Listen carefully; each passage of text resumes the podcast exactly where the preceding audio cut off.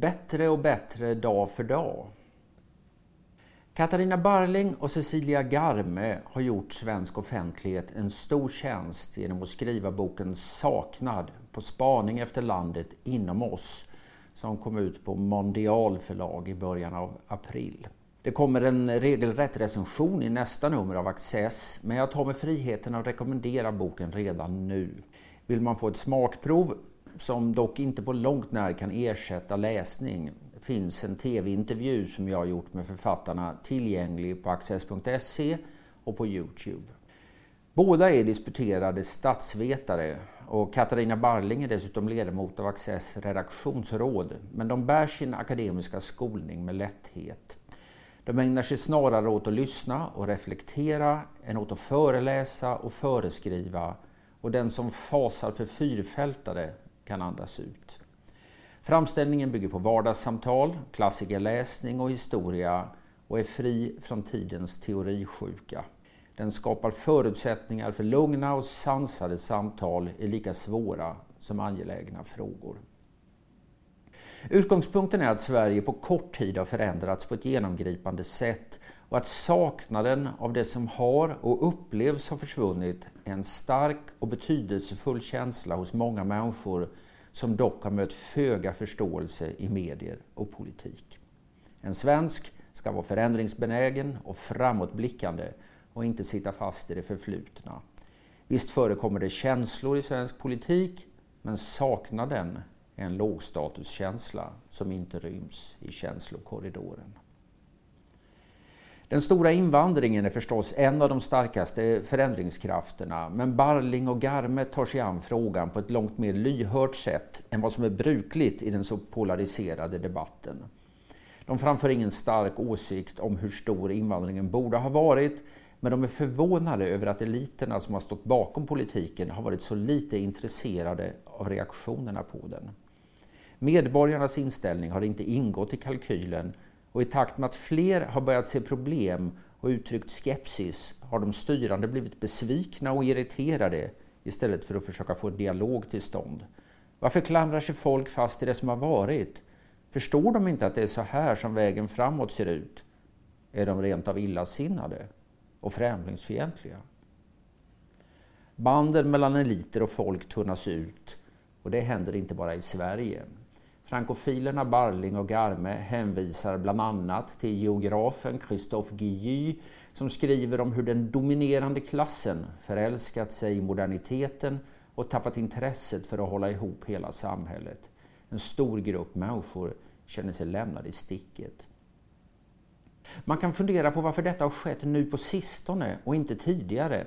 Förra århundradets svenska jordbruksdöd, avfolkning av landsbygden och miljonprogram innebar en väldig omvälvning där människor drogs upp med rötterna och fick mycket att sakna.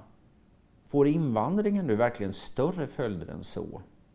Min gissning är att svaret kan vara ja och att det beror mindre på urbaniseringens och invandringens påverkan i sig än på vad utvecklingen under respektive tid har haft att erbjuda. Då fick man visserligen överge sin hembygd, men man fick samtidigt ljusa bostäder med badrum, nya trygghetssystem, kraftigt höjda inkomster, bil och en löftesrik framtid för barnen. Nu kan man få se sin hembygd snabbt förändras med sociala spänningar, gängvälden och kvalitetsproblem i skolan som följd. Och även om ekonomin då fortsätter att växa och köpkraften att stiga blir nettot inte positivt. De materiella förbättringarna kompenserar inte för förlusten av hemkänsla i tillvaron.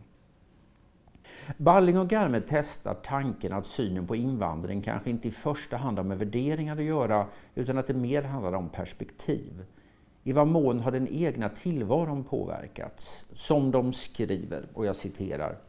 Dagens befolkningsförändring äger inte rum överallt. Det finns områden i Sverige där knappt någonting har hänt och så finns det platser där samhällena är förvandlade. Ljusnarsberg, Norberg, Flen, Filipstad, Hultsfred, Högsby, Lindesberg, Laxå, Valdemarsvik, Bräcke, Hällefors, Lessebo, Ronneby och många fler. Skillnaden mellan att bo i Vasastan, respektive Filipstad har förstås alltid varit stor, men på kort tid har den blivit ännu större. Slut citat. Det är inte konstigt om saknad och vilsenhet är större där större förändringar har skett. Å andra sidan är det inte heller konstigt om det uppstår kollektiv saknad utanför de mest påverkade delarna av Sverige. Man behöver inte själv bo i påskupploppens Skäggetorp eller Navestad för att undra vart landet är på väg. Människor kan relatera även till sånt som går utanför de rent personliga erfarenheterna. Historien till exempel.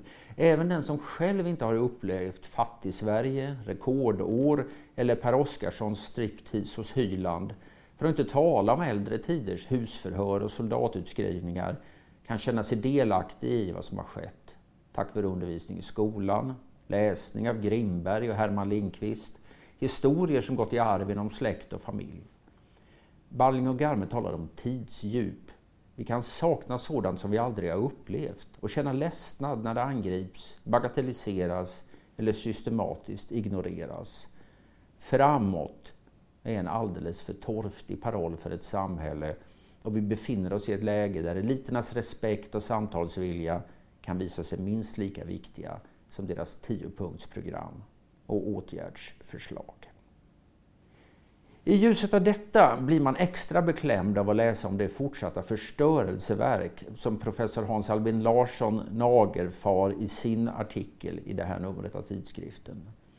För några år sedan blev det rejäla protester när Skolverket ville ersätta konkreta kunskaper om platser, personer, händelser i grundskolans samhällsämnen med uppmaningar till att spekulera om mönster, processer och liknande abstraktioner.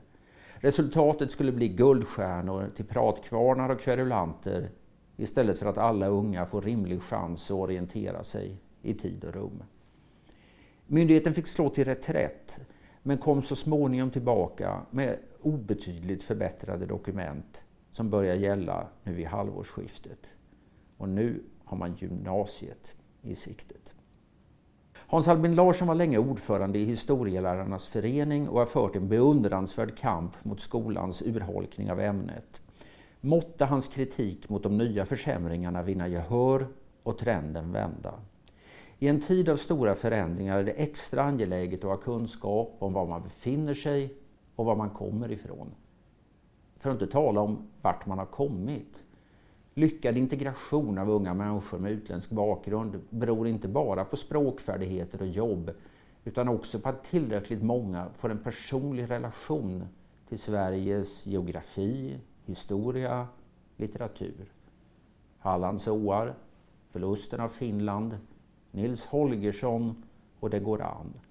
Att många unga med ett otal generationer av svensk bakgrund numera också snuvas på detta Ja, det är inget motargument, utan en tragedi.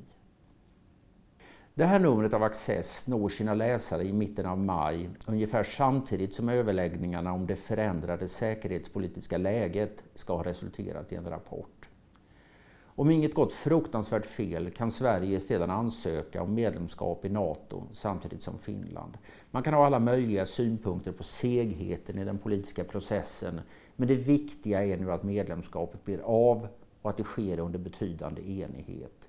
Det vore förfärligt för Sverige att bli stående ensamt med en stor, oberäknelig och allt aggressivare krigsmakt i grannskapet. Om historieskrivningen hade varit ärligare och historiekunskaperna större hade vi för övrigt kunnat bli medlemmar för länge sedan. Den som tror att utfästelser om neutralitet och alliansfrihet ger något skydd värt namnet för ett land har mycket historia kvar att lära. NATO-frågan tar naturligt nog stor uppmärksamhet i anspråk. Vi får bara inte låta den skymma vad som sker i Ukraina. Kriget har pågått länge, men det är långt ifrån över. Den beslutsamma kampen för frihet och nationellt oberoende fortsätter. Behovet av civil och militär hjälp är gigantiskt. Det vilar på väst att se till att Ukraina kan vinna.